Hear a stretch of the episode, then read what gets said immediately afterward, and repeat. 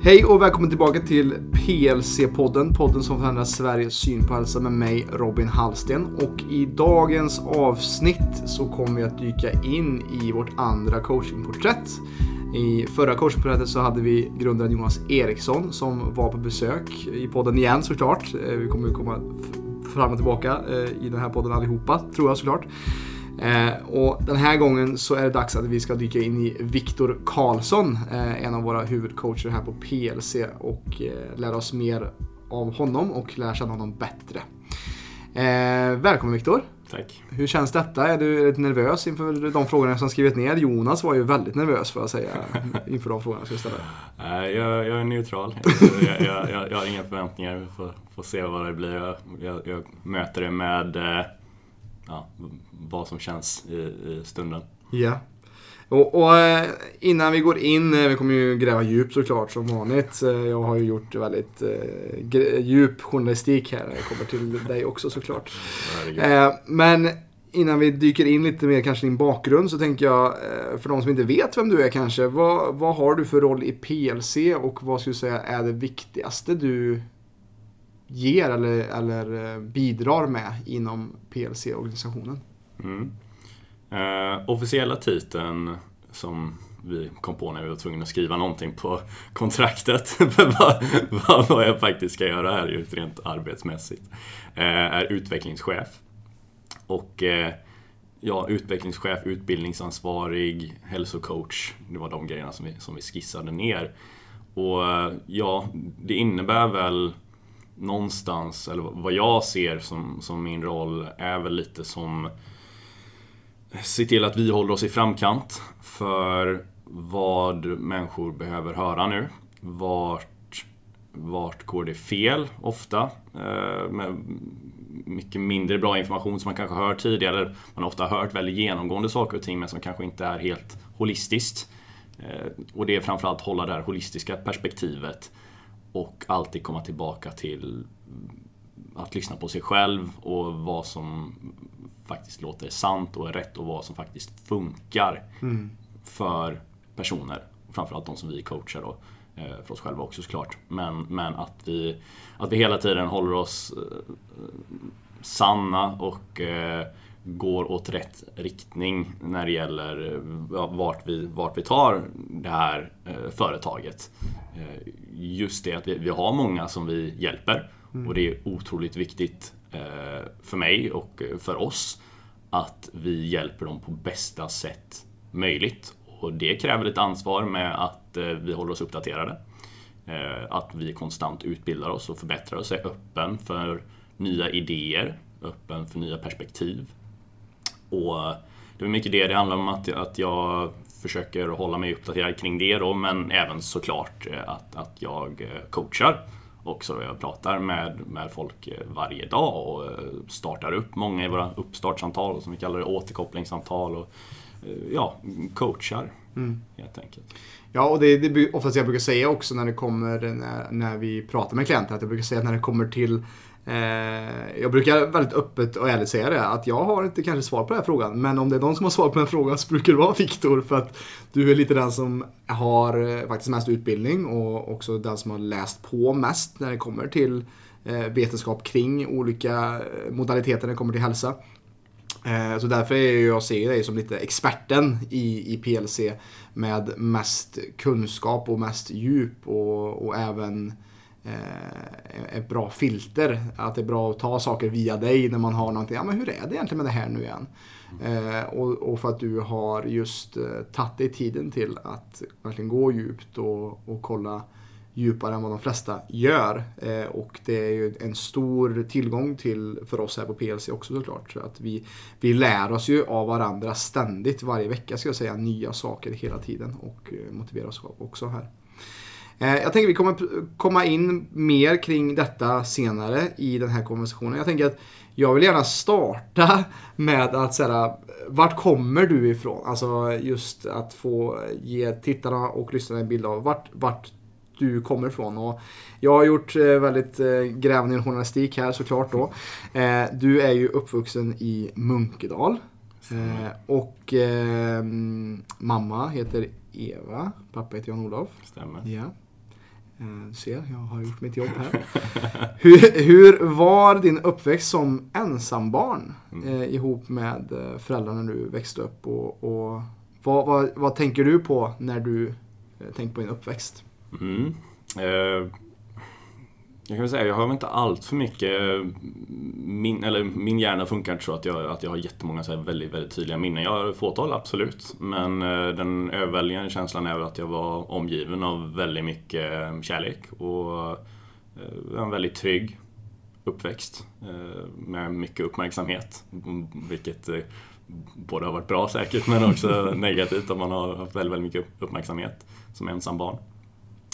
Men väldigt, eh, väldigt fri. Eh, gjorde min grej. Hade väldigt mycket uppmärksamhet som sagt från både morföräldrar och eh, mamma och pappa då såklart.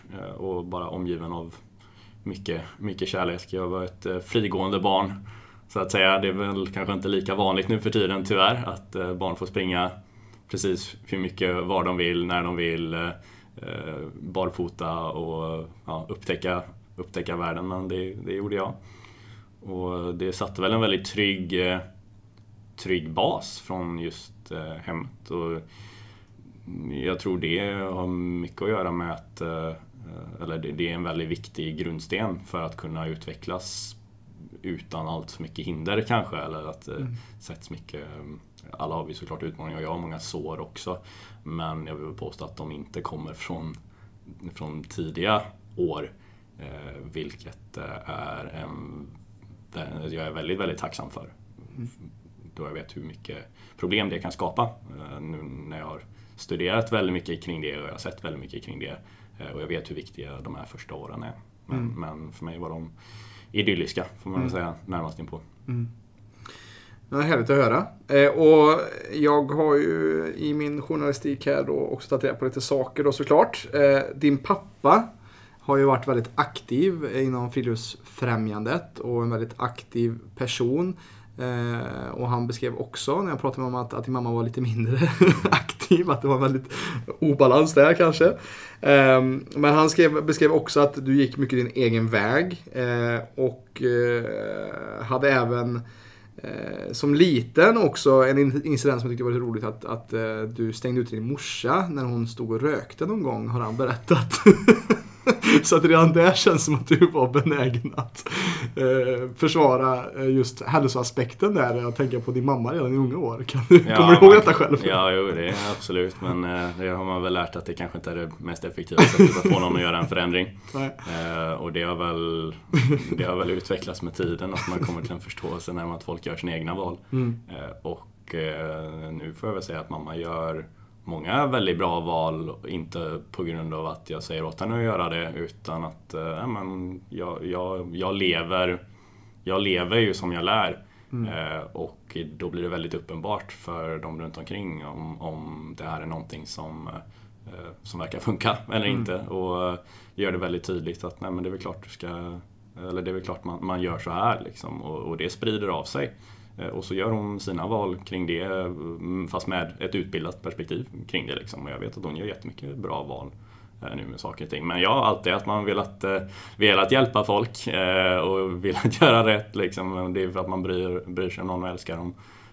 Men som sagt, på senare år har jag kommit till insikten att man det är inte så man får fram förändring, va? utan det måste komma inifrån och varje person har, eh, gör sina egna val. Mm. Men, men det får mig inte att eh, sluta leva min sanning och predika vad jag tycker, eller predika det, det är fel ord, men att eh, jag åtminstone inte censurerar mig själv kring vad jag anser är rätt och att man har någonting bakom det. Mm. Och sen i den mån att eh, en person vill ha hjälp med någonting eh, som de vet att jag kan, då vet den personen också att jag finns här och eh, det är bara att fråga. Jag delar gärna med mig.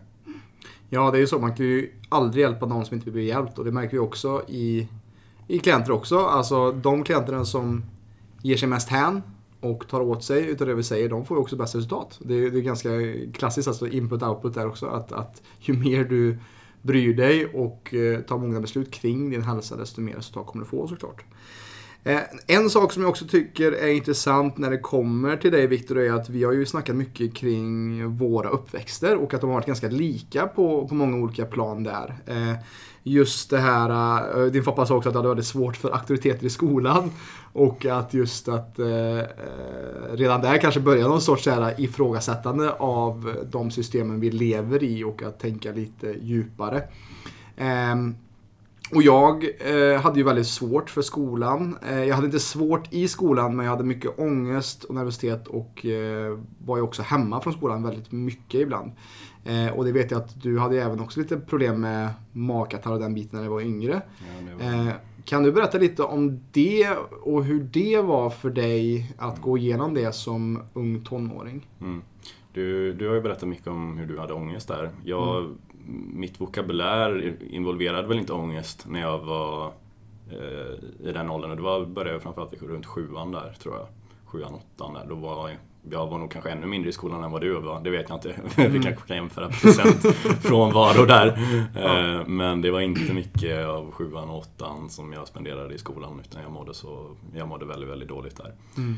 Eh, och det hade med flera saker att göra. Som sagt, jag jag kände inte ens till vad ångest var då, men det var säkert eh, något sånt där med, även om jag inte kan komma ihåg det. Jag vet bara att jag vantrivdes så för att eh, det, det, var en sån dålig miljö för mig. Som sagt, jag är väldigt fritänkande eh, och inte allt för lätt att kanske ta jag ifrågasatte alltid auktoriteter och det mottogs inte alltid särskilt bra. Eh, sen kom det absolut från båda hållen att jag inte var så smidig på att framföra det Eh, som en skitunge.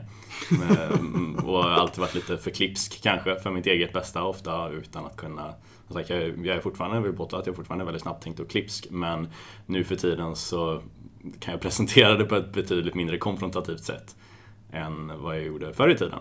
Eh, och det, det speglades ju tillbaka liksom. Man, man fick skiten tillbaka när man inte kunde bete sig.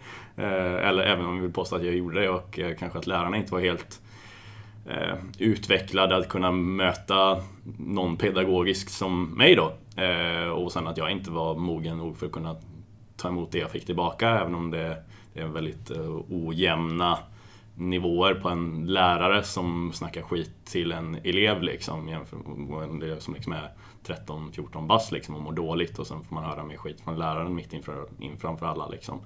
Eh, och ja, absolut att jag, jag inte var ut jag var inte utomordentligt eh, socialt begåvad, får man väl säga. Eh, just med att jag inte var jätteödmjuk kanske. Och, eh, eller det var jag definitivt inte. Även om det här aldrig kom från något, något ställe av att, att man vill någon annan något ont. Liksom, vi var alltid väldigt blåögd och ville alltid alla väl. Men på grund av att man kanske inte hade jättemycket ödmjukhet, jag har aldrig haft några bröd, eller jag har inga syskon, liksom, aldrig haft någon som keep you in check, kanske. Eh, fick väl att inte vara ja, jättebra på att uttrycka mig kring det. Eh, och, och sen att man var omgiven av en del människor också som kanske inte var jättesnälla. Mm. Eh, och hade ingen, hade ingen trygghet där, samma som man hade på hemmafronten vid tidig ålder. Eh, och ja, det, det blev ju bara inte bra. Mm. Helt enkelt. Och jag stressade upp mig själv så himla mycket där att, eh, eller jag var så otroligt stressad kring det här och det ledde till magproblem och magkatarr.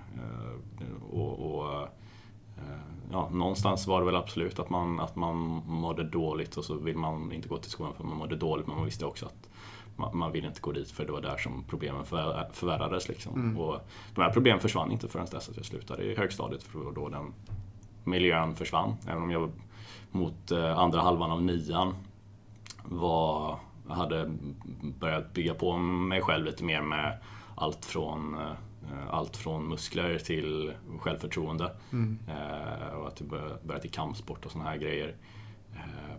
Mm, och också sluta bry mig lika mycket om, om vad, vad andra tänkte och så. Men, så det började bli lite bättre där men ja, nej, det var egentligen inte förrän slutade, eller jag slutade högstadiet som den miljön försvann och de problemen försvann. Det. Eh, men det ledde också till de, de här hälsoproblemen jag hade för de blev ju bestående. Man, man gjorde ju en, ett djupt sår liksom. Så man, kan, man jobbade inte direkt med acceptans och Eh, och eh, alla de här holistiska eh, grejerna som vi vet idag. Man behöver göra för att läka sår. Eh, så allt det här har ju varit kvar, eller var ju kvar under hela tonårsperioden egentligen, vilket ledde till många hälsoproblem, framförallt kring magen. Mm. Och det här öppnade ju upp en, en väldigt, vad ska man säga, en, en nyfikenhet. Och det har jag alltid varit, jag har alltid varit väldigt nyfiken. Och alltid sökt eller letat. Och försöker gå till botten med de här problemen då, även om det kommer från ett Eh, om, man letade först på ett ytligt eh, plan men det ledde, det ledde mig längre och längre ner. Mm. Och eh, ja, alltid bara försökt hitta mer liksom, kring, mm. kring, eh, kring hälsa blev det ju som jag kom in på då. Och ja, det var där det började. Och det är oftast det jag ser genomgående i alla folks historier också, även din och även min, just att det här ja, när det skapas sår, när det skapas ett djup, då blir det också en vetgirighet till att vad kan jag göra för att bli bättre för att situationen är så ohållbar så att jag måste lära mig hur jag hanterar detta. Antingen så lär man sig och läser på då hur andra tagit igenom sig det här problemet eller så kuvas man ju under. Så man har ju två olika val och jag tror det är det som kanske också resultatet av den du är idag är också mycket tack vare det här såret även fast det här var jäkligt tufft. Eh, precis som vad jag har berättat om också men det har också gett både dig och mig tror jag just ödmjukhet kring, kring livet också. Och att saker inte alltid har varit eh, tipptopp och optimalt och fortfarande inte är det. Men att det är mycket bättre nu än vad det var när vi var yngre för att vi har mognat och lärt oss av livets erfarenheter och slipats utav livets erfarenheter. Slipats är ett bra ord, för det, det är precis så. Det, du kommer aldrig träffa en intressant person som inte haft det tufft någon gång. Mm. Det, det, finns bara inte. Mm. Har du inte haft det tufft. Eller jag vet inte, Jonas kanske är ett, eh, ett undantag, han har inte haft det överdrivet tufft i sin uppväxt vet jag. Eh, men han har ett eh, sjukt driv ändå, mm. våran grundare här. Man, eller han har säkert genomgått sina, sina motgångar liksom på mm. sitt, sitt, eget sätt. Men just kring alltså den här, det här djupet mm. hos en människa brukar man inte se, eller i alla fall inte i min erfarenhet, se hos någon som inte någon gång har haft det tufft och eh, tagit sig upp från det. Yeah. Sen är det väldigt många som inte tar sig upp från det och det ser man ju väldigt mycket i samhället idag. Folk som mm. har låtit alla utmaningar mm. krossa en kanske. Mm. Men, men det är alltid en, alla utmaningar som sker, vad, vilket plan det än är på, är alltid ett tillfälle att växa. Och yeah. om man tar sig ur det som sagt, what doesn't kill you makes you stronger. Och mm. det, det har jag eller det tror jag väldigt starkt på för, för alla, vad man än går igenom egentligen. Mm. Och vad var det, tror du att detta var födseln till den du är idag? Det är klart det är på ett sätt, men alltså när såddes fröet till att bli hälsocoach för första gången? För att du har mm. också gått, eh, vi, vi kan väl börja med den frågan så kan vi gå lite bakåt igen också. Ja. Eh, det var, väl, eh, det var väl där det började med att jag begav mig lite djupare på vad är det som faktiskt orsakar mina, mina problem här. Så att man haft lite ja, allt möjligt med magen här och stressen och det gav eh, hudproblem, alltså finnar och, och sånt här. Eh, och ja, man försöker lista ut vad fasen är det som, som, som pågår här egentligen. Eh, vilket ledde mig djupare och ja, det, det, det, det lärde mig att leta information till en början. Sen så kom jag inte in på de bästa källorna till en början, utan det, det tog lite tid. Eh, men, där, där föddes i alla fall nyfikenheten hela tiden, försöka hitta information, fixa saker och ting. Problemlösning mm. kom väldigt mycket där och det har jag väl alltid haft. Eh, men sen så krävs det en liten ängel ibland. Och det skedde för mig, eller mitt uppvaknande eller man ska säga, till en större sanning just kring hälsa eh, skedde något år efter jag hade gått ur gymnasiet. För då, ja, efter jag hade slutat gymnasiet visste inte vad jag ville göra liksom. Jag eh, hade gått en samhällslinje, juridik. Bara, nej, jag ska absolut inte plugga juridik framöver, det är inte min grej. Mm. Eh, men, eh, men ja, mm, bästa kompisen då hade hade gått bartenderutbildning. Ja, ah, men det här kan man göra, det är kul. Liksom. Jaha, okej, okay, men provar vi det. Så jobbade jag inom restaurang något år, eller ett år och ett halvt kanske var vid den här tidpunkten. Eh, och efter ett väldigt sent nattpass eh, så ja, satt jag uppe, för man kan ju vanligtvis inte sova eh, när man har liksom jobbat fram till klockan tre med massa fulla människor. Liksom. satt vid datorn, som jag ofta brukar göra, och surfade på YouTube och där såg jag ett nylle som såg tilltalande ut enligt Youtube-rekommendationerna där. Klickade på det och den mannen hette Elliot Halls. Mm.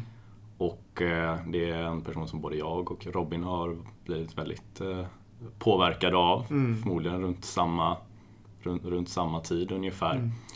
Ehm, och han pratade om saker som jag inte hade hört tidigare. Men som verkligen djupt resonerade med mig och jag bara hörde sanning komma ur en manlig förebild liksom, som vi inte har allt för många runt omkring oss när vi växer upp.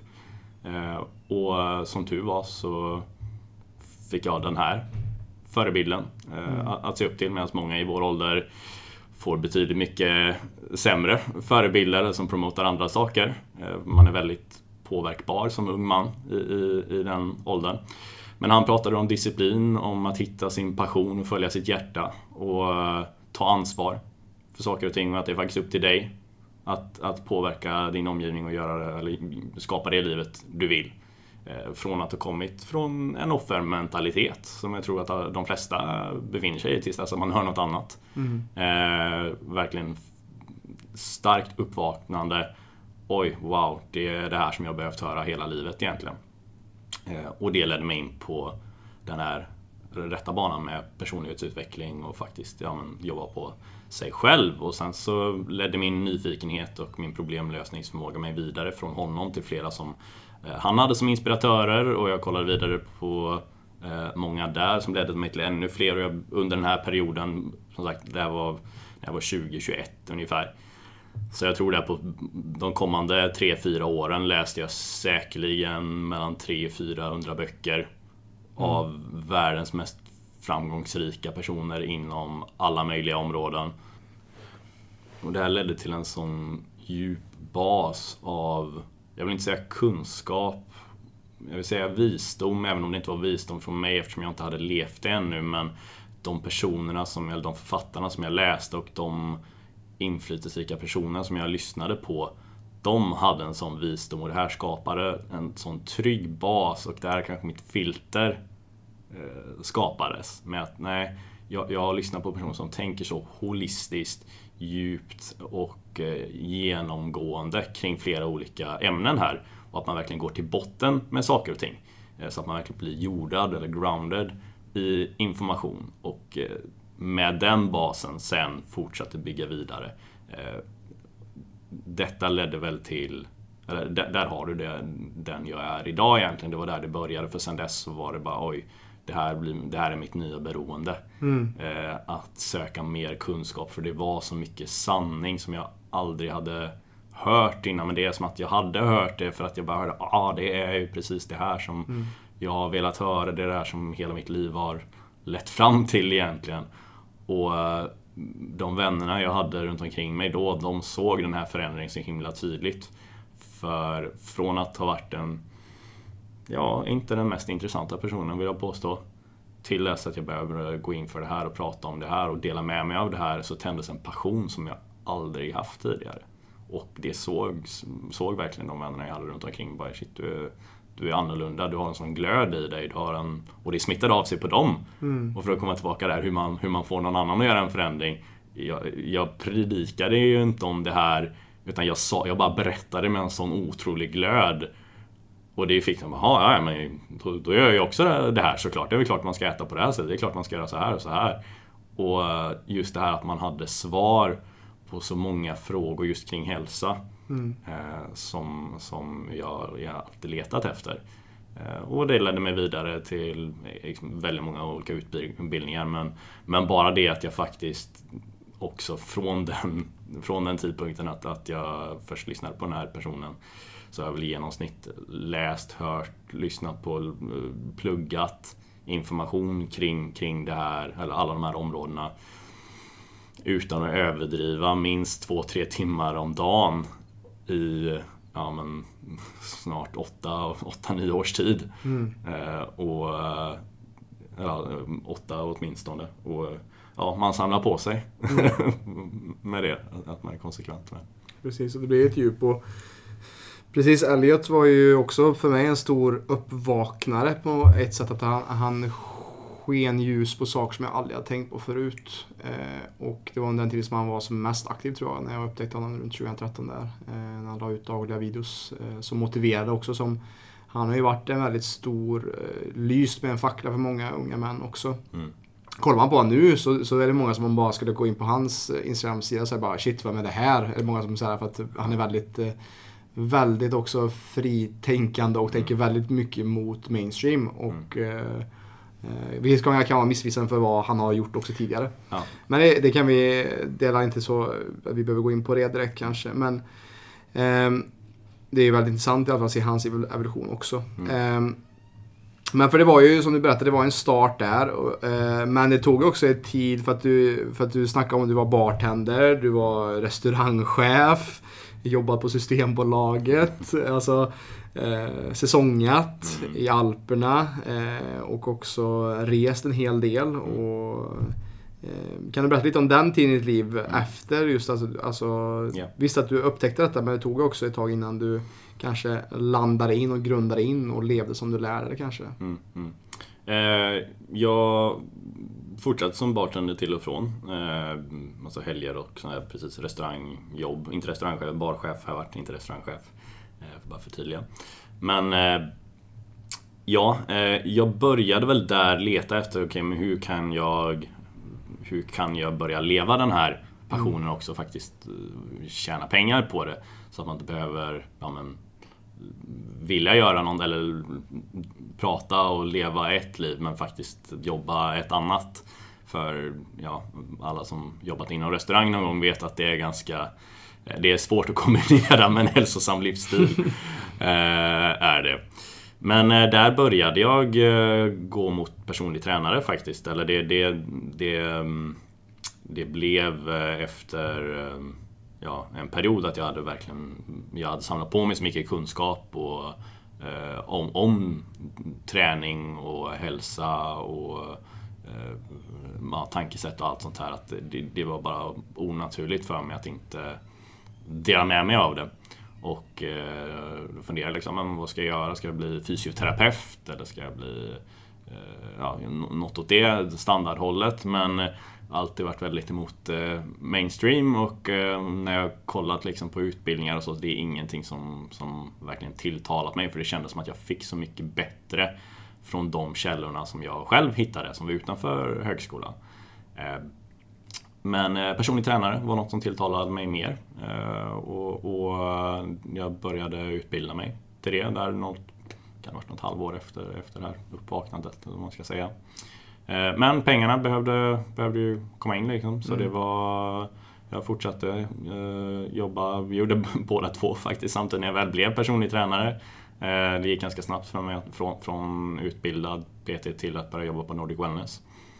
Eh, Men eh, så det var ungefär tre år där som jag var personlig tränare och gruppinstruktör samt bartender. Eh, och det var alltid intressant på, på helgerna när man haft några klienter liksom och ser dem stå bakom baren när de var, när de var ute liksom. Det var alltid intressanta konversationer. Ehm, men sen också som ja, ung, ung man, man vill eh, utforska, man vill ha kul, man vill göra grejer. Eh, och säsongen är väldigt utvecklande vill jag påstå och väldigt roligt också. Tog inte många möjligheter som man inte skulle haft annars liksom. Eh, så det gjorde jag absolut flera, flera somrar. Men intressant nog hade jag alltid med mig den här törsten efter kunskap liksom, så det var ofta det jag landade i att göra efter, efter många arbetspass eller under dagarna när man var ledig och så fortsatte for, fortfarande plugga det som jag faktiskt brann för.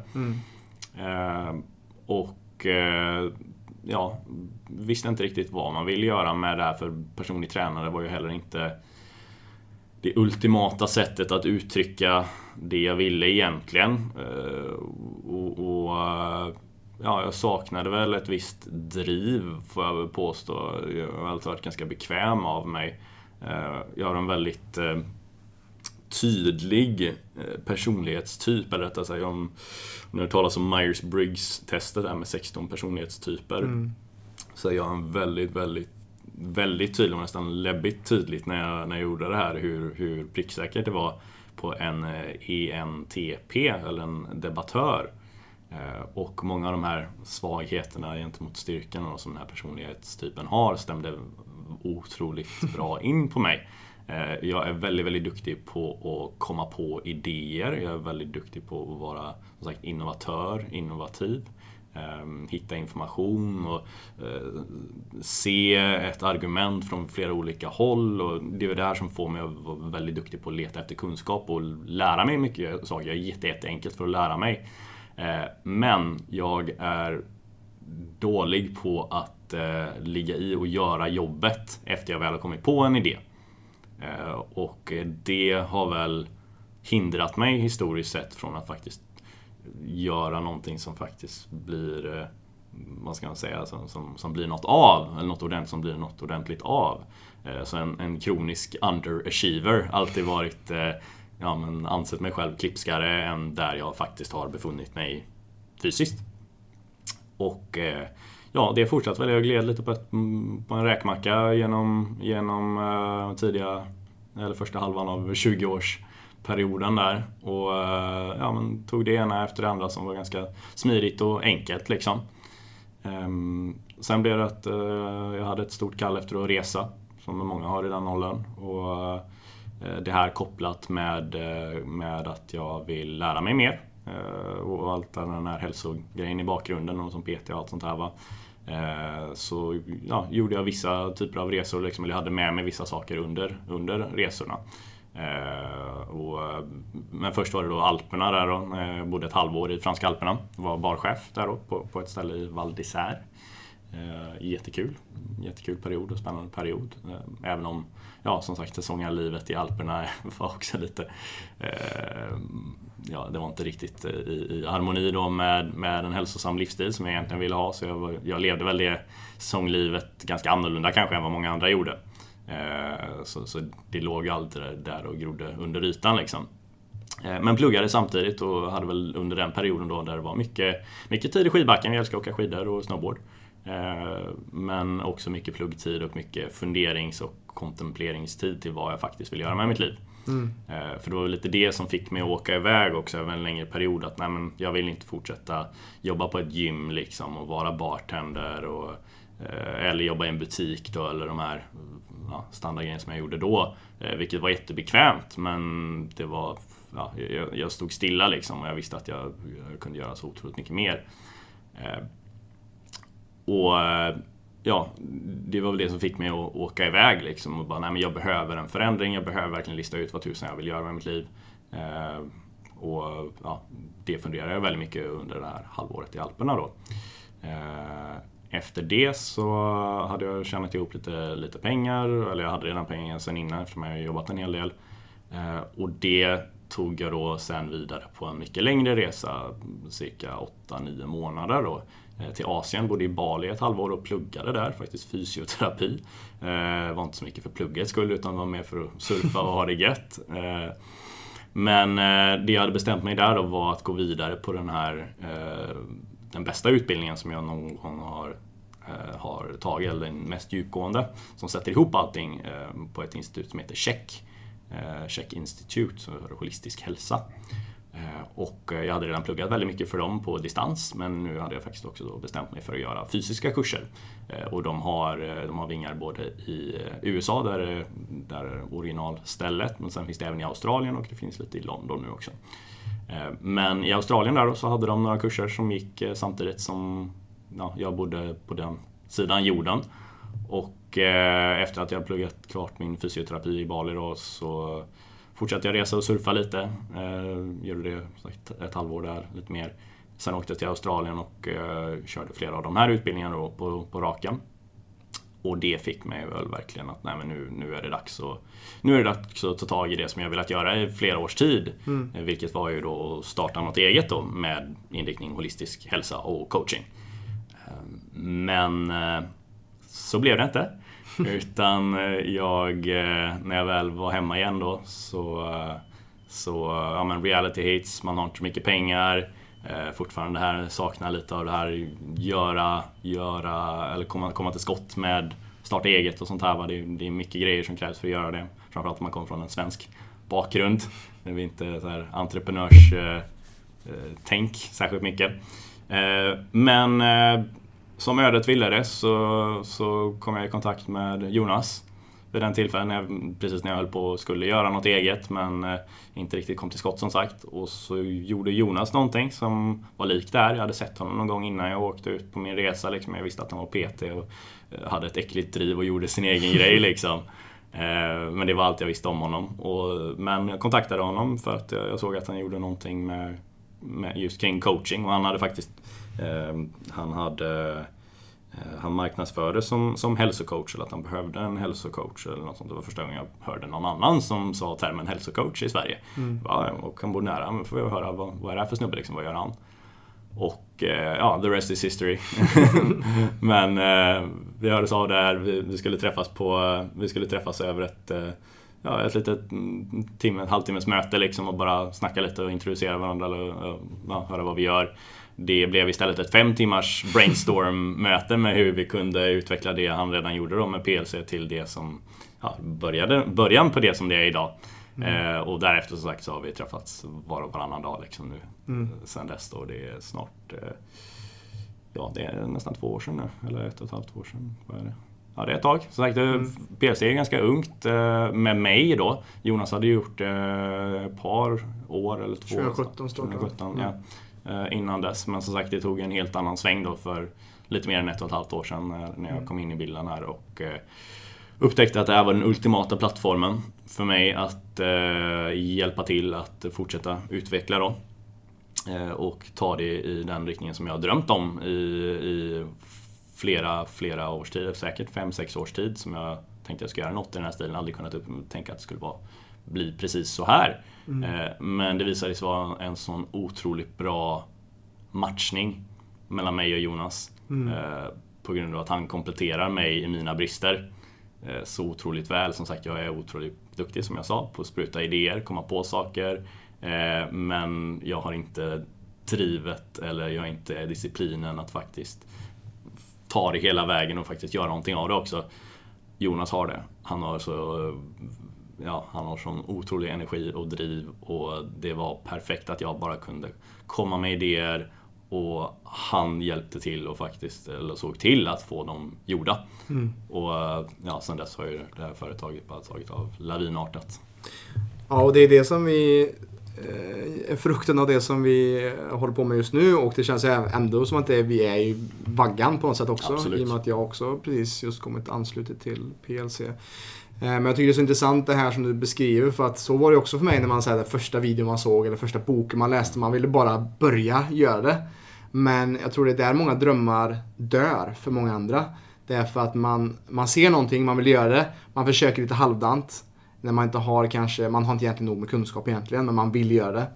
Eh, och sen så, sen så, ah, det funkar inte. Nej, då slutar jag och man ger upp. Eh, och jag gillar också det här att eh, talesättet att om du vill gå, gå snabbt, gå ensam. Vill du gå långt, gå ihop.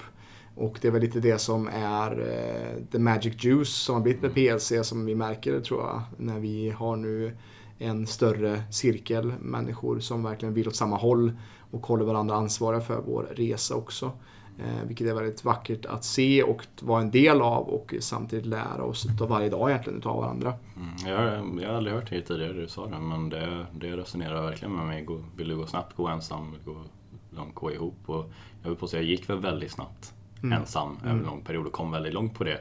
Men sen som sagt, för att, det spelar ingen roll hur långt, eller hur, hur snabbt man går och hur långt man kommer i, eller hur, hur mycket man utvecklas kanske mm. inom det som jag kunde. För jag, jag lärde mig bara mer och mer och mer och mer och mer och mer. Och mer. Men någonstans, jag kunde nästan för mycket för jag, det spelar ingen roll att jag lärde mig mer om saker mm. och ting. För vad gör du med det? Ingenting. Mm. Eh, utan ja, man blir bara mer elitistisk och kan eh, säga att andra pratar goja liksom. Men, mm. men, andra personer kanske gör någonting. Precis. I vilket fall. Och Precis. med det här då så faktiskt kan vi dela med oss det och få så mycket impact för mm. att ja, vi helt enkelt gör det tillsammans på ett mer holistiskt sätt mm. med flera olika perspektiv och presentera det på, på ett bättre sätt som behövs flera stycken för att göra. Exakt, och med det sagt också så är det lätt att man, som jag känner mig också väldigt isolerad eh, när jag började också den här resan. Det, det blev också ett skifte i att eh, jag bortprioriterade liksom festandet och den biten. Eh, och började vara mer, alltså ta hand om mig själv bättre. Och därav förlorade jag många utav mina kompisar som jag hade. Eller inte förlorade, men det, man hade inte samma intresse på att göra samma saker.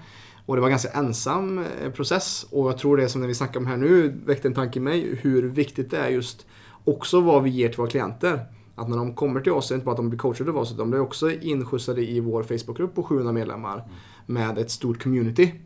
Där man också har personer som tänker på samma sätt eller är på samma resa. Och jag tror det är det som också är styrkan, tänker jag nu. Alltså det är varför, varför det har blivit eh, en mer eh, exponentiell utveckling med PLC för att vi är likasinnade själar som har samma driv och som vill åt samma håll.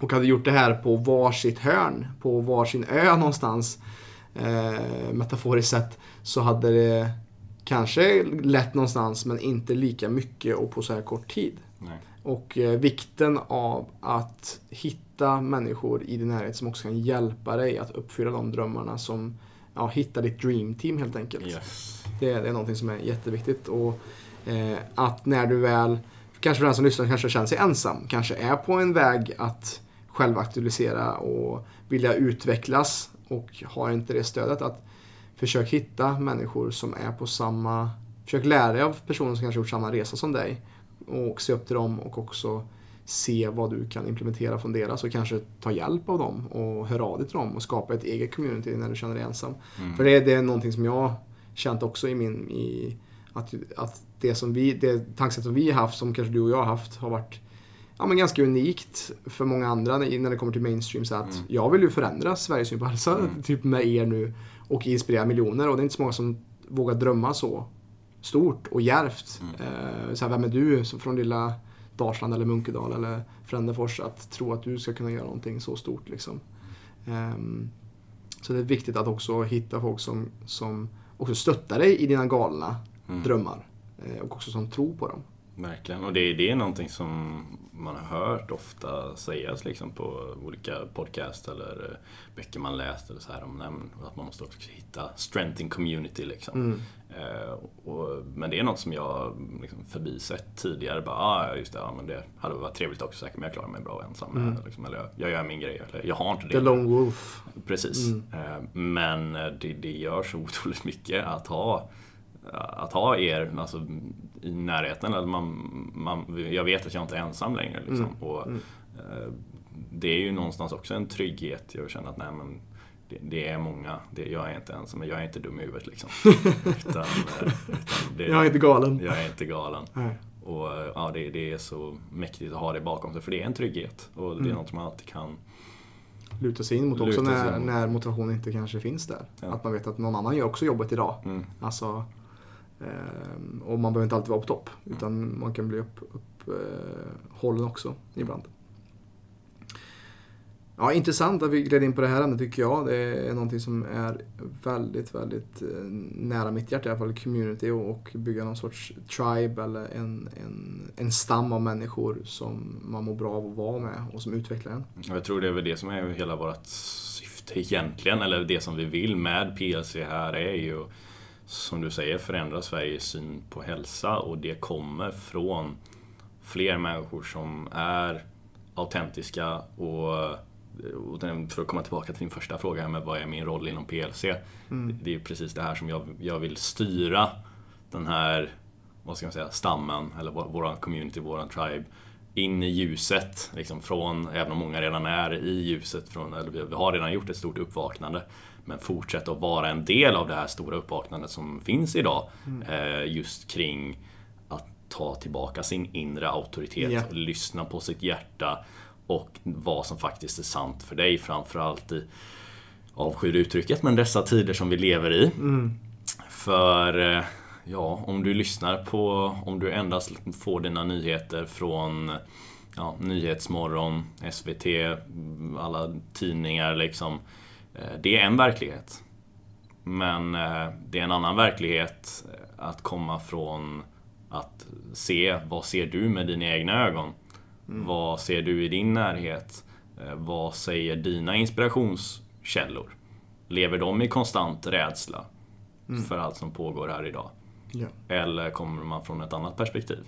precis. Och vilken du kanske, har, du kanske har vissa som säger en sak och andra som säger något annat. Du vet inte vem du ska lyssna på. Och det här gäller både för ja, de tiderna som vi lever i men också i allting kring hälsa eller kring eh, något jobb eller någon situation, vad det än må vara.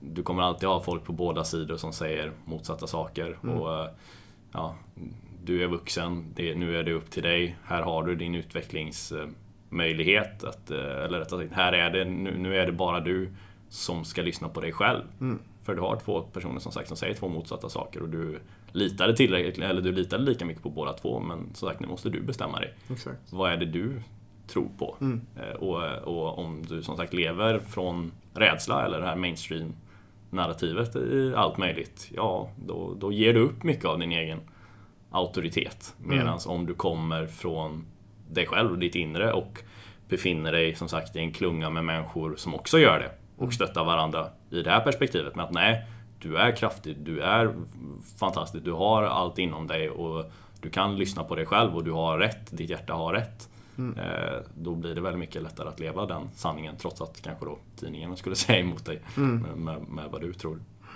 Precis. Ja, det är ett intressant perspektiv eh, sannerligen. Men Viktor, vart, vart kommer den här viljan att hjälpa andra till hälsa, till bättre hälsa ifrån? Vart, vart, eh, vi har ju snackat lite om din bakgrund här med att du själv hade lite problem när du var yngre. Mm. Vad, vad ser du själv? Är det grunden till det? Eller vad, vad ser du mer är? Vad är, mm. alltså, varför är det så viktigt för dig, din vilja att hjälpa? Ja.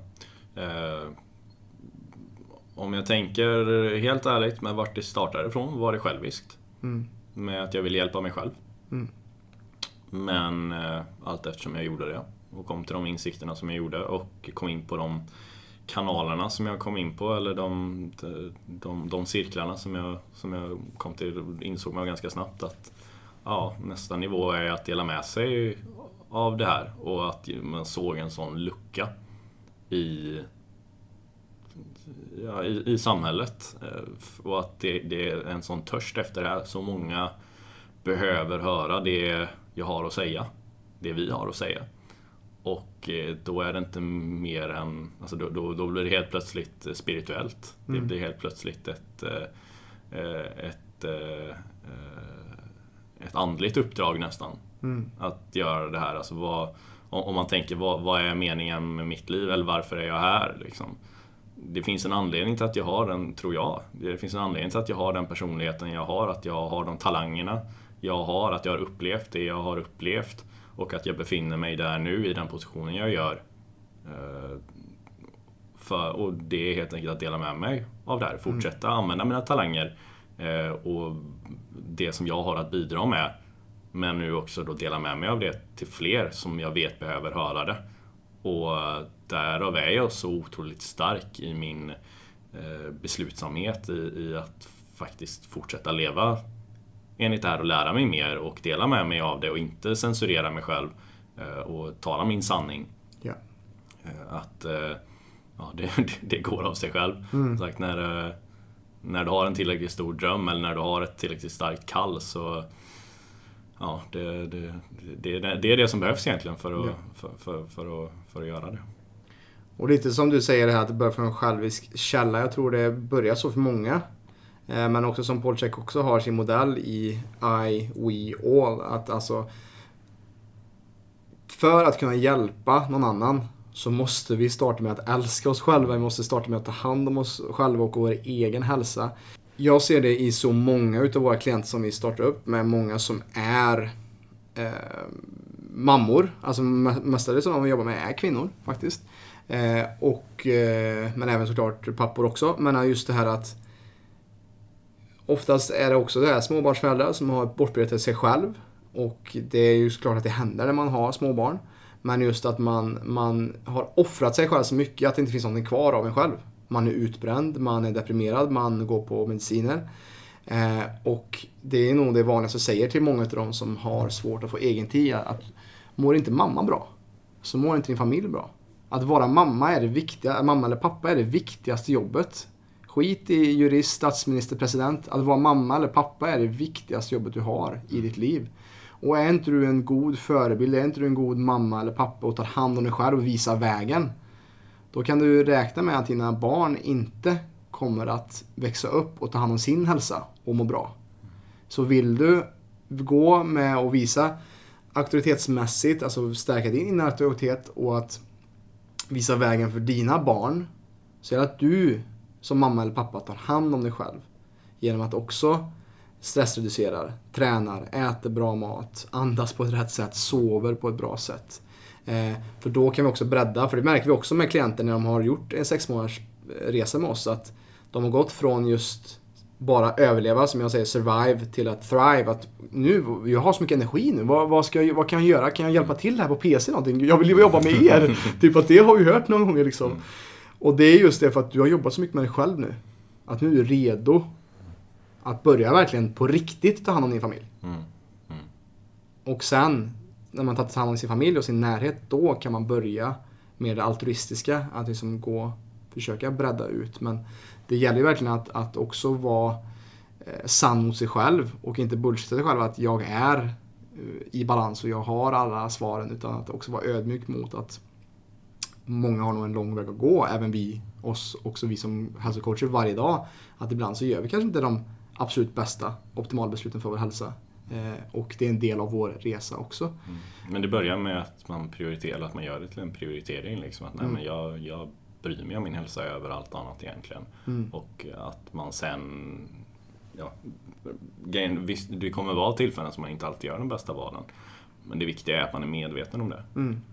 För om du kommer från en plats där där hälsa som sagt är viktigast att du gör det. Nej men jag bryr mig om mig själv först. Jag tar hand om mig själv först. Eh, Det kommer precis som du säger sen leda över till dem runt omkring dig för de ser vad du prioriterar och eh, om, framförallt om man har barn att eh, de kommer ju härma dig. Mm. Det, du behöver inte säga det till. Alltså det, vad du säger, det är en grej men det lyssnar inte barnen på särskilt mycket utan de lyssnar på vad du gör. Mm.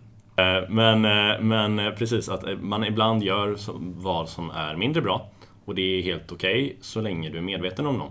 Tycker jag.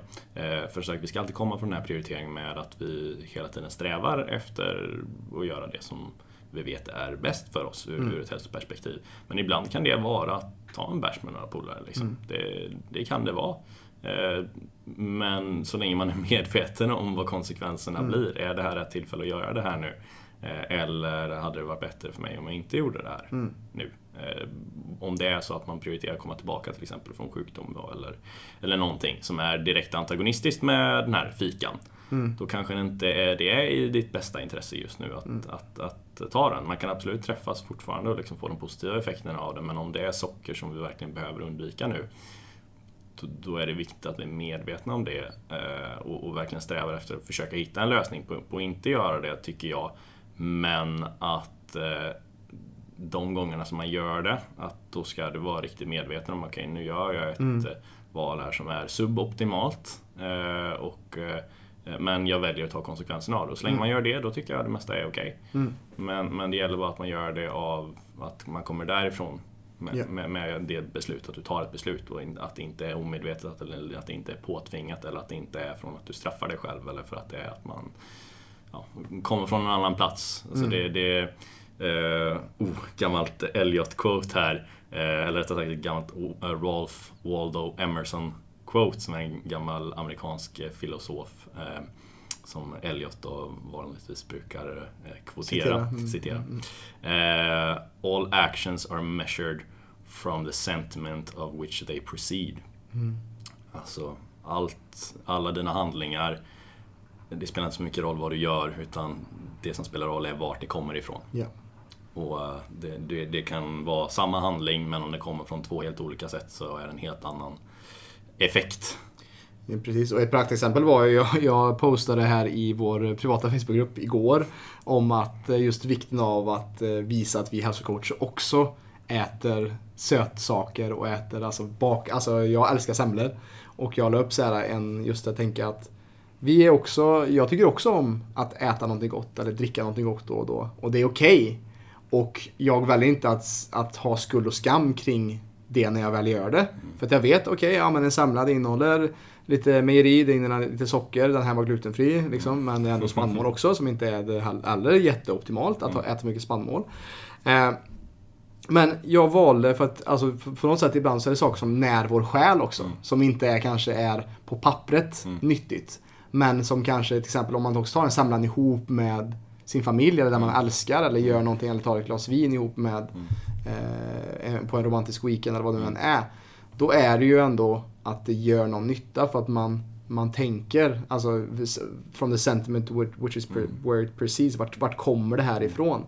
Det kommer inte från att jag tvångsmässigt eh, skulle behövde en semla för att stilla min Nej, inre hunger av eh, sötsug eller beroende eller någonting. Utan det var ju för att jag ville ha någonting gott och kanske fira någonting eller, eller bara ha, alltså bara ha något, någonting eh, inte, och inte vara för strikt med mig själv heller och ha kärlek till, till det också. Mm, ja, absolut. Ja, men du har 120-åringar som röker och dricker varje dag. Liksom. Mm.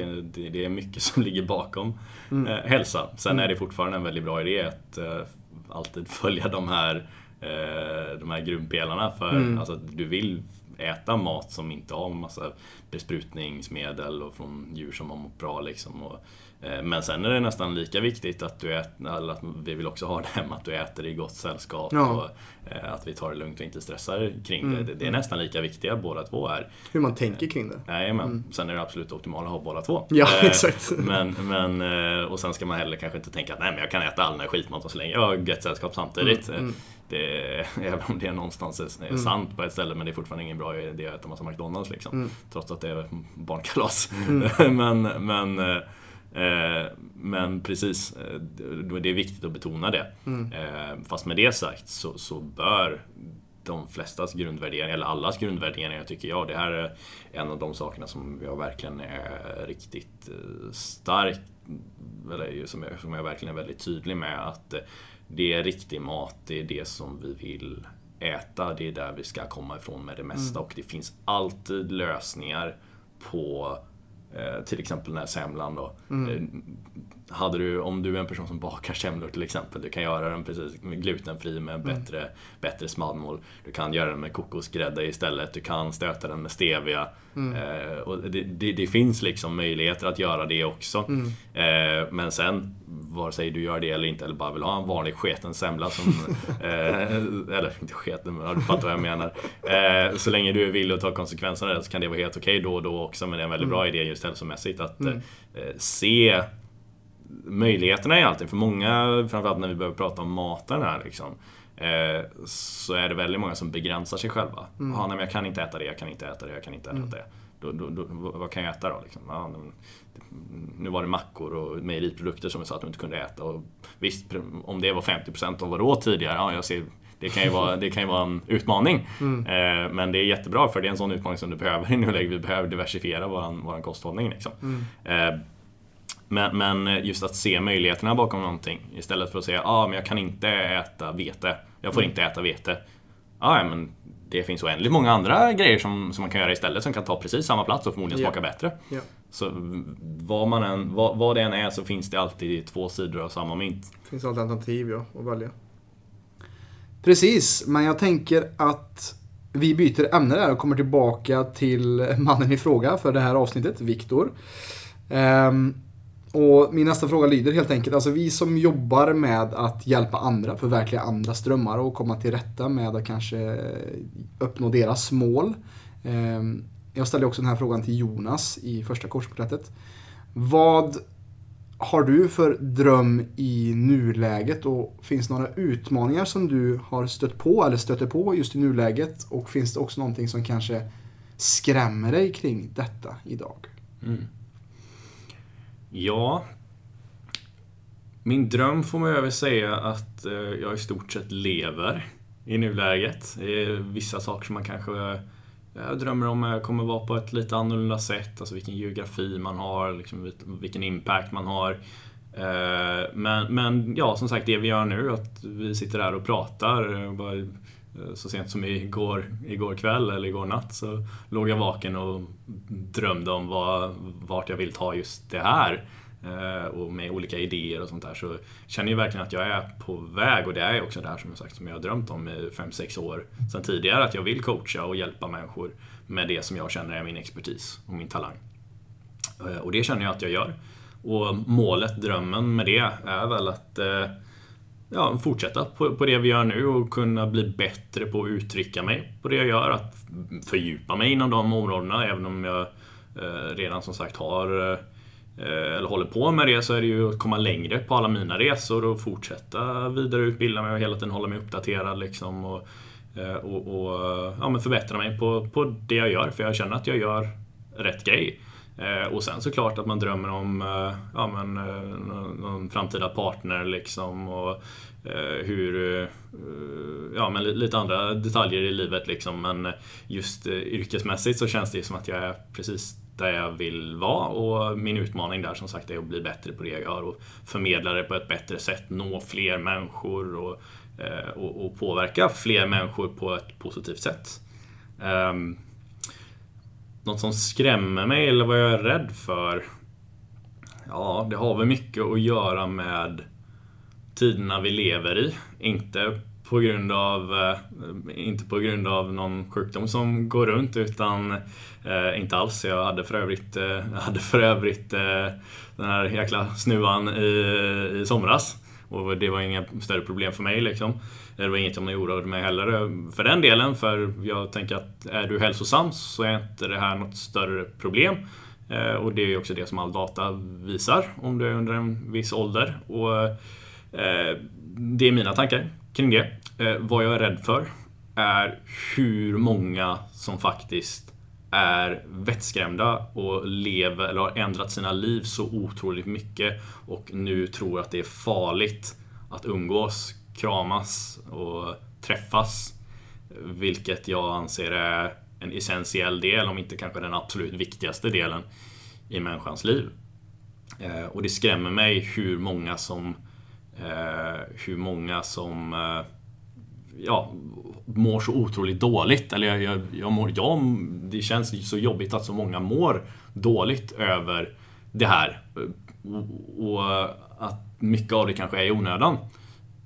Just för att det som pumpas via de flesta traditionella mediekanaler är just den här rädslan, den här dödssiffran som mm. Eller hur många fall av det här och, och, allt, och det de glömmer nämna är ju att bara 6% av de som faktiskt har dött av det här hade endast, eh, endast det här viruset och eh, i genomsnitt hade de 2,5 andra som kallas comorbidities. Mm. Jag säger inte att viruset är ofarligt, det är såklart att det är, det är många som far illa av det. Men det som inte sägs i media och det som skapar den här stora rädslan och får folk att bli rädda för varandra är att varför fokuserar vi bara på att eh, saker kan ta koll på oss? Det är mm. samma sak med bilolyckor eller eh, alkohol och tobak och allt sånt här. Va? Men det stänger vi inte ner världen för. Utan det som man kanske bör prata om istället och blästa ut i alla kanaler är hur tar du hand om dig själv? Precis. Hur mår du? Hur, hur förebygger du mm. att må dåligt av ja, men ett virus då till exempel. Det kan vara influensa. Nu säger jag inte att det är bara en influensa. Eh, men eh, vad det än är för sjukdom som du vill förebygga så finns det ju många approacher. Det är precis det som vi jobbar med här. Och om det är någon, eller om, om som jag då och som alla mina inflytelserika källor, eller de som jag lyssnar på, hela tiden pratar om att, eh, att ta sin inre auktoritet och faktiskt ta ansvar för sin hälsa och göra bra val för sin hälsa hur mycket du faktiskt kan göra för att förebygga sådana här mm. situationer. Mm. Varför berättar man inte om det? Varför är det inte det som sprutas ut varje dag i mediekanaler och säger ja men kom ihåg och ta hand om dig själv, kom ihåg att sova för hur mycket, eh, hur mycket effekt har inte en dålig natts sömn på ditt immunförsvar? Ät riktig mat, undvik skräp, drick inte all den här alkoholen som tydligen är viktigt att det fortfarande är, är, öppet men man får bara sitta en person på en restaurang som inte har en dörr liksom. Mm. Alltså, alla de här riktlinjerna är så rent ut sagt idiotiska. Det är, mm. och, och, vad som är bra är väl att många inser att eh, staten kanske inte alltid har alla hästar hemma kring vad som är bäst för dig. Eh, och kanske inte alltid har ditt bästa i sitt intresse utan att det är vanligtvis för att eh, det ska verka som att de gör någonting åt någonting som de inte har en aning om vad fasen man ska göra åt. Mm. Eh, men nu blir jag lite passionerad här märker jag. Eh, men, eh, kan jag få flika in där också just det. Det är just det som när vi, alltså vår, hela vår PLCs värdegrund mm. jobbar från atomistiskt tänk till holistiskt tänk. Vi har alltid utvecklats i symbios med virus. Vi har virus överallt. Och på något sätt så tror vi att vi ska kunna eliminera en form av virus och bespruta allting och alkohol och vi ska kunna låsa in det här bakom lås och bom. Det är lite så som jag ser det också. Och istället, som jag också såg en jättebra föreläsning av Zach Bush, eh, MD, att det finns studier nu som visar att eh, om du har sovit sex timmar eller mindre, som vi mycket snackar om i våra uppstartssamtal, då har du också en åttafaldig risk att få, inte dö av covid, men att eh, få covid. Eller så. Och det var just det som jag håller med om också. Alltså att jag har inte heller varit rädd ett dugg för att jag vet att sköter jag, alltså lyssna på avsnitt 287 i vår grundserie här med grundprinciperna. Ta hand om din hälsa precis som många av våra klienter ser vad mycket de kan påverka när de börjar ta hand om sig själva. Både när det kommer också till så här Oh, jag är typ utbränd och stressnivåerna är jättehöga och jag vet inte vad jag ska göra. Jag har prövat allt. Ja, fast när du har prövat lite det som vi förespråkar och hänger med lite på mina meditationer och yoga och sånt så, så balanserar sig det ut sig i de flesta fallen som tar till sig det. Och precis som du säger, vart, vart är vart är den här informationen kring hur man kan ta hand om sig bättre? Istället för att vi ska Eh, falla som offer till någonting. Exakt, och det, det är ju det. Man blästar ut som att den enda potentiella lösningen är något medicinskt mirakel. Liksom. Bara, Nej. Vi, vi är medicinska mirakel. Som människor, om vi, om vi sätter oss i balans. Absolut, exakt. Och menar, det, det som har nått ut, ja men det är D-vitamin och zink, och, ja men jättebra, men nu, nu ska man inte bara fastna på att det där är lösningen på alla dina hälsoproblem. Det är också ett atomistiskt. Det är liksom. också väldigt atomistiskt. Precis. Bara, sen så är det absolut om dina D-vitaminnivåer D-vitaminnivåer är låga, absolut, har du också en större chans för allt sånt där. Men det är ju bara ett tecken på något annat, att du inte som sagt har andra saker i balans. Och varför gå och vara rädd för någonting när du istället kan välja att ta ansvar över grundorsakerna. Alltså, det här är väldigt tydligt från vart en människa kommer ifrån. Med, med, eller hur den lever sitt liv. Lever du ditt liv ur rädsla och offermentalitet? Eller lever du det ur empowerment och eh, ja, med inre kraft? Och ta ansvar. Och ta ansvar, exakt. För och som sagt, här är ju det, det är en annan grej som jag är rädd över, eller som jag är rädd över, som, som skrämmer mig i dagsläget. Just den här polariseringen som sker i samhället idag. Social Dilemma är ju en helt fantastisk dokumentär för er som inte har kollat på den. Hur mycket social media liksom delar oss ja, i två väldigt stor, eh, distinkta grupper. Folk som är för det här och som är emot det här. Och att eh, de aldrig möts någon gång. Eh, och det som är så farligt är ju med all censur som sker också kring alternativa åsikter. Eller när som vi pratar så som vi gör här. Med att nej, men du har faktiskt kraft att kunna ta tag i saker och du Ja. kan påverka din egen hälsa. Ja. Att det kan censureras och det är helt jäkla absurt att doktorer och människor, hälsovetare som faktiskt jobbar med hälsa Eh, bara för att de inte promotar eh, någon särskild medicin eller något medicinskt mirakel så ska de inte få uttrycka sina, eh, sin expertis. Det, det, är så idiot, det är så farligt. Alltså, förtrycker du en röst så kommer den bara bli starkare och det kommer bli så mycket ilska mot de som förtrycker det. Och att det idag är så polariserat med folk som, alltså, vare sig du vill ta ett vaccin eller inte ta ett vaccin, det är helt upp till dig. Men att de här två grupperna ska stå och hata varandra Ja. och skrika på varandra, det är det farligaste som finns. Och att folk inte får demonstrera för det här längre. Det är en grundlag som, eh, som vi sett nu det senaste som, som, som kryps in på. Alltså det, man måste få uttrycka sig. Och det, det är ingen, ingen större fara att eh, stå på ett torg tillsammans utomhus nu än att gå och trycka sig inne på ICA. Och säga att det ena är laget och det andra, det, det är bara absurt. Det, det, Ja, man, man blir väldigt frustrerad om man har något form av sunt förnuft. Och sen är det så många som sagt som tar det här som ett tillfälle till att skrika på andra och bli, bli en större del av sin, e- eller få, få högre ranking i sin egen grupp för att man trycker ner de andra eller för att man skriker på andra. Va? Och, det är just den här Social Dilemma, så jäkla bra dokumentär som jag rekommenderar till alla. Det, det är det här som händer i samhällens förfall, alltså mot slutet av civilisationer så blir det väldigt tydlig polarisering. Och eh, vi måste komma samman och inse att mm, det mesta, de viktigaste sakerna tänker vi faktiskt liknande kring. Och det enda sättet att ta sig fram någonstans är inte att säga att den andra sidan är dumma i huvudet för att de har en annan åsikt än vad du har. Nej. Utan det är att vi måste mötas i en sansad debatt, ha förståelse för varandra och sen demokratiskt bestämma vad är det som jag tycker är rätt. Eh, Man kan inte tvinga, man får inte tvinga någon till någon. Eh, till, till någonting. Det här med att det ska vara tvång på Ja men återigen, vaccin ett tydligt exempel här. Att det ska vara tvångsvaccin. Nej, du kan inte tvinga någon till någonting. Den personen, om du tror på vaccin, då ska du få göra det. Om du inte tror på det, då, då, då, ska du, då är det din kropp, då får du välja. Mm. Och så här är det med vad som helst. Du får ha precis vilka åsikter du vill. Och det är helt okej okay att uttrycka dem. Sen så har alla andra också en väldigt eh, eh tydlig rättighet att få säga att du är dum i huvudet. om du tycker någonting som, som majoriteten inte gör. Och det är så det ska funka. Mm. Men om du förtrycker vissa åsikter så blir det så stark polarisering, det blir så... Det, det, det är farligt. Mm. Det är jättefarligt. Och, och, samma det som du säger, att det blir en sorts de, dehumanisering. Mm. Att man, det blir de här ekokamrarna ja. eh, i dessa grupper och eh, man, man glömmer bort att se det mänskliga och det är oftast det som blir i det blir de här extrema fallen som vi sett tidigare i världshistorien också. Ja. Alltså när vi sätter istället för att eh, vi ser oss som medmänniskor och eh, att man börjar kalla folk för andra saker som är kanske, alltså typ som man bara kan gå tillbaka till andra världskriget och se vad som händer där. Ja. Vi och dem-tänk. Eh, och, ja precis, och, och inse att vi bara är människor som blöder och har samma färg på blodet mm. och, och andas samma luft. Mm. Och, vill samma saker egentligen. Eh, förmodligen så, i grunden. Såvida du inte är psykopat liksom, vilket såklart vissa verkar vara i höga maktpositioner på olika ställen. Ja. Men eh, är du inte psykopat så vill du ditt eget, din familj och dina käras och dina medmänniskors bästa. Mm. Och vi har olika approacher som vi tror är korrekt för att komma dit. Mm. Och för att uttrycka det på ett bra sätt som sagt så krävs en öppen dialog och det krävs förståelse. Och det krävs hälsosamma människor. Mm. För om du tar hand om din egen hälsa, om du har kontakt med naturen och mår bra i dig själv. Om du är en glad människa, ja då kommer du inte vilja starta krig. Då kommer du inte vilja gå runt och kalla folk, andra folk för idioter och skapa bråk.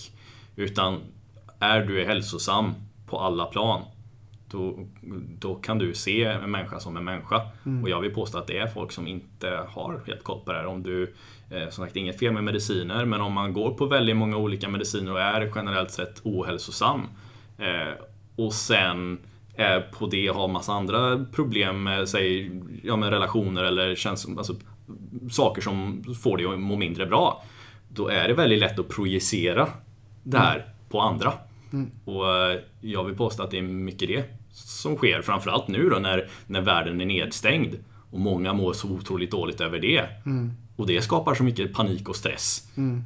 Det är klart att det kommer att överflöda och att folk blir ännu mer aggressiva mot varandra. Mm. Jämför, jämför det med två personer som ja, går runt och älskar livet liksom, och inte har några problem. De skulle inte få för sig att vilja bråka med varandra och kriga med varandra. Även om de skulle råka ja, men, trampa varandra på tårna. Liksom. Bara, oj, oj, ursäkta, nej, ursäkta mig. Mm. Ja, nu, ja. Peace, love and understanding. det är det vi behöver mer av just nu. Och ja. vi behöver andas. Vi behöver andas. Precis. vi behöver slappna av, vi behöver andas, vi behöver komma i kontakt med naturen och äta riktig mat. Exakt. Ja, men bra. Bra, bra svar där och eh, kul att se dig också lite passionerad. ja, jag har en tendens att bli det. Eh, Viktor, vart ser du dig själv om tio år? Tio år är svår. Om du får kolla i spåkulan. Tio år är väldigt svårt för det är... Det går så himla fort nu. Jag, jag skulle kunna... Det, där jag ser mig idag, det är det som jag har drömt om i flera, flera år. Inte på just det här sättet, jag visste aldrig att det skulle bli just precis så här. Det blir bättre än jag någonsin kunde tänka mig. Men på grund av att det går så otroligt snabbt nu i utvecklingen så... Eh, jag kan inte ens jag kan inte ens föreställa mig i tio år på grund av hur snabbt teknologin och, och utvecklingen går. Eh, fem år framåt, eller tio år också för den delen. Jag kommer fortsätta göra, jag kommer fortsätta tala min sanning och sprida mitt budskap eh, som förmodligen kommer vara ganska likt det det är nu. Förhoppningsvis så kommer fler ha vaknat upp till det.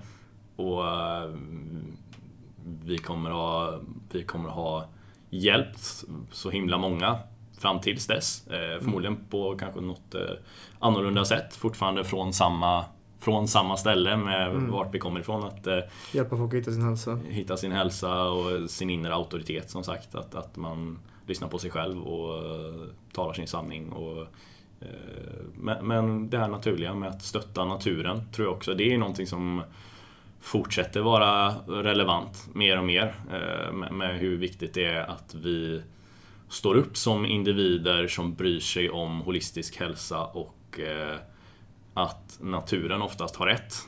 Eh, och, och, att vi står upp för det som är naturligt med jordbruk som mår bra eh, och hälsosamma människor som mår bra, som väljer bra mat och på så vis väljer vi, gör vi val som stöttar planeten mm. och det stora hela. Och varit en större del, ser jag väl om 5-10 år, att jag, att jag har bidragit till den ljusa, den ljusa sidan, den goda sidan. Eh, och, att man var en del av rätt sida av historien. Och inte, inte det ja, vad ska man säga, ondskefulla eller auktoritära eller göra individen liten eller behöva ja, tro, tro att vi inte lever på en planet av överflöd. Mm. Utan att, eh, att vi måste fixa saker och ting för att allting brinner. Jag tror inte det gör det. Jag tror att vi, vi lever på en planet av överflöd och att vi har all typ av möjlighet som människor att, eh, att jobba tillsammans med varandra och eh, planeten. Att, eh, att göra det hållbart för framtida generationer. Och eh, med ja, mer åt det här hållet med att vi faktiskt lyssnar på vad, vad, vad hjärtat säger och det kommer vi komma väldigt långt med. Mm. Eh, men just vart jag yrkesmässigt eller personligen befinner mig, jag, som sagt, jag tror jag kommer fortsätta med, med det här som vi gör. Sen hur det uttrycker sig, hur mycket det har hunnit utveckla sig på de åren, det, det återstår att se för det har gått så otroligt mycket snabbare nu än vad man skulle kunna föreställa sig att någonting skulle gå. Så jag vågar inte ens drömma om, eh, eller jo, det gör jag absolut. Men, men eh, jag, jag kan omöjligt säga exakt hur det kommer se ut. Men jag kan lova att jag fortfarande kommer tala min sanning och har fortsatt utbilda mig och eh, fortsätta på den här linjen, riktningen som jag är på. Eh, och eh, sannolikt då, eller förhoppningsvis, har hjälpt så många som möjligt under tiden och hjälpt alla er, och, eller fortsätta skapa med er eh, här i PLC med att eh, ja, skina vårt ljus ännu, ännu starkare. Mm. Kul. Det ser ut som det kan bli tio roliga år då helt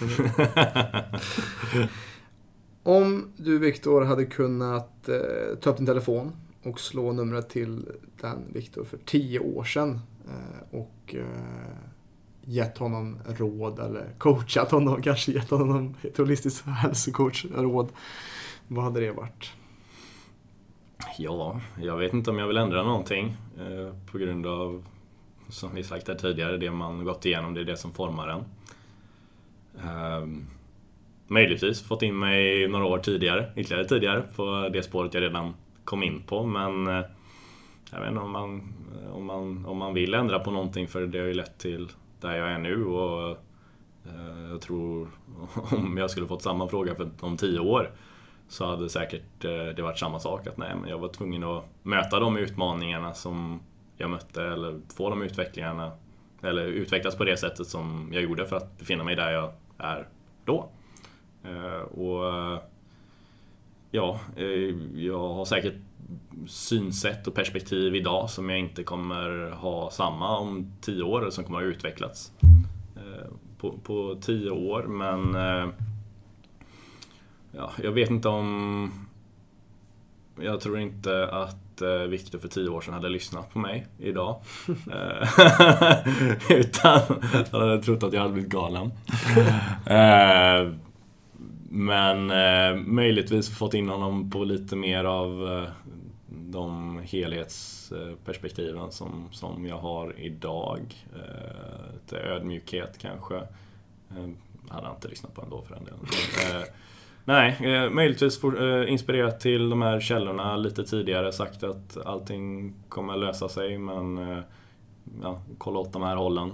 Eh, men egentligen att eh, Nej, jag, jag, kan, jag kan inte påstå att jag skulle sagt något. Eller, jag, jag, jag, tror inte jag vill... Jag skulle kunna komma på massa grejer man skulle kunna säga men eh, jag tror universum har ett sätt att eh, lösa sig på, eller spela, sig, spela ut sig på det sättet som det var menat att göra. Mm. Så jag tror inte att man vill ändra på någonting. Så Mixta med det. Ja, så dåligt svar på den frågan. Jag kan inte ge något bra svar på den. Nej, men jag tror, jag tror det, allt är som det ska helt enkelt. Mm. Och med det Viktor så eh, har jag faktiskt inte så mycket mer frågor till dig. Är det någonting mer som du vill tillägga som eh, du saknat kring frågorna kring dig? Eller känner du dig nöjd? Ja, nej, eh, det är väl... eh, Ja, det är bättre att ta det som en Q&A eh, när folk vill veta specifika saker. Jag tror jag har gett en ganska, ganska bra bild kring mig själv, även om det blev lite extra passionerat här mot, mot slutet. Mm. Och det är ju ett... Det är en glöd som har tänts verkligen det senaste året och likt som det har gjort hos väldigt många. Nu uttrycker jag det på det sättet som jag gör och det är inte alla som svarar på det på ett, eh, eller som, som, som har hört det sättet att uttrycka sig tidigare kanske. Eller att det, Mm. Jag kanske gör det på ett ganska konfrontativt sätt. Eh, Det är något som jag vill ha en debatt kring, eller behöver inte ens ha en debatt, jag vill ha ett snack kring. Och Mm. bara dela med sig av perspektiv, men hur reagerar du när jag säger så här? Mm. Eh, och det, det är egentligen det är ett bättre sätt att kommunicera det. Mm. Eh, eller de här konversationerna som man behöver ha, så man kan mötas någonstans på mitten Mm. oftast. Just att eh, svaret brukar alltid vara, aldrig vara svart eller vitt, utan det är vanligtvis någonstans däremellan. Men, eh, och att de flesta kommer från ett ställe där man menar gott. Alltså Mm. det, det är väldigt få personer idag som är psykopater, liksom, som faktiskt vill medvetet vill andra illa. Mm. Utan de flesta vill sitt bästa och sin familj och de man bryr sig oms bästa och mänsklighetens bästa. Och vi kommer alla från ett ställe där ja, man gör det bästa man kan och man, eh, man, man vill uttrycka sig på det, eller man vill få andra att dela ens uppfattning eller att förstå vart man kommer ifrån med saker och ting. Mm. Eh, och med den förståelsen så eh, är det lättare att ha en dialog Ja. med, med människor kring olika saker som man kanske inte håller med om. Eh, Men att, eh, att man ska ha ett öppet sinne och eh, va- vara villig att ändra på sig eller ändra på sin åsikt för det är ett, det är ett tecken på, en, på ett hälsosamt sinne och tankesätt att, att man kan faktiskt ja, ändra sig. Mm. Ehm, Men just om mig, Eh, jag skulle kunna gå in på mer detalj kring, kring just eh, vad det faktiskt är jag utbildar mig kring och vad jag läser och varför jag kan vissa saker som jag kan och hur jag har gått tillväga med det och vad jag har för, alltså försöka att eh, bygga upp mig själv mer med vad för, vad för krediter och sånt jag har från, från eh, ja, men, olika sätt som jag har pluggat om. Jag tänker det, det, är inte, det är ingenting som vi behöver göra här i den här om, om, om någon funderar kring det så får de gärna fråga mig eh, om det. Så jag mer vill att dela med mig av mina källor och vart jag får min information och var jag lär mig saker och ting och, och sådär. Men eh, jag, jag tror det speglar igenom i sättet som jag pratar kring saker och ting. Att, eh, att- att jag, ja, men varifrån jag kommer Mm. kommer med det. Och eh, som sagt, mer detaljer kan jag absolut dela med mig av men jag tror inte det är så intressant i, Nej, i det, här kanske är någonting vi kommer dyka vidare in i andra avsnitt när det kommer till andra saker som du kanske tycker är intressant att ta upp och skapa en podd kring. Mm, Eh, att snacka absolut. kring de olika sakerna du har lärt dig i böcker eller utbildningar som du har gått. Mm. Eh, och det ser jag fram emot faktiskt. Eh, med det sagt, Viktor, så tänker jag att vi rundar av och eh, jag tackar dig och tackar dig som har lyssnat och kollat på det här avsnittet. Som vanligt så är du mer intresserad av vad vi jobbar med eh, så kan du kolla på vår hemsida www.plclub.se PL plclub med C, så PLCLUB. Vi har också en YouTube-kanal där du kanske kollar på detta, men vi är också på Spotify. Om du kollar på detta på YouTube så finns vi på båda ställena. Vi finns även på Facebook. eh, Och eh, ja, om du vill, precis som vi, förändra Sveriges syn på hälsa, dela gärna med dig av detta avsnittet för att kanske inspirera någon eh, kring det som du har hört här idag, kring Viktors resa. Så att vi sakta men säkert kan förändra Sveriges syn på hälsa. Tack Robin, tack för idag. Tack för idag. Ha det gött.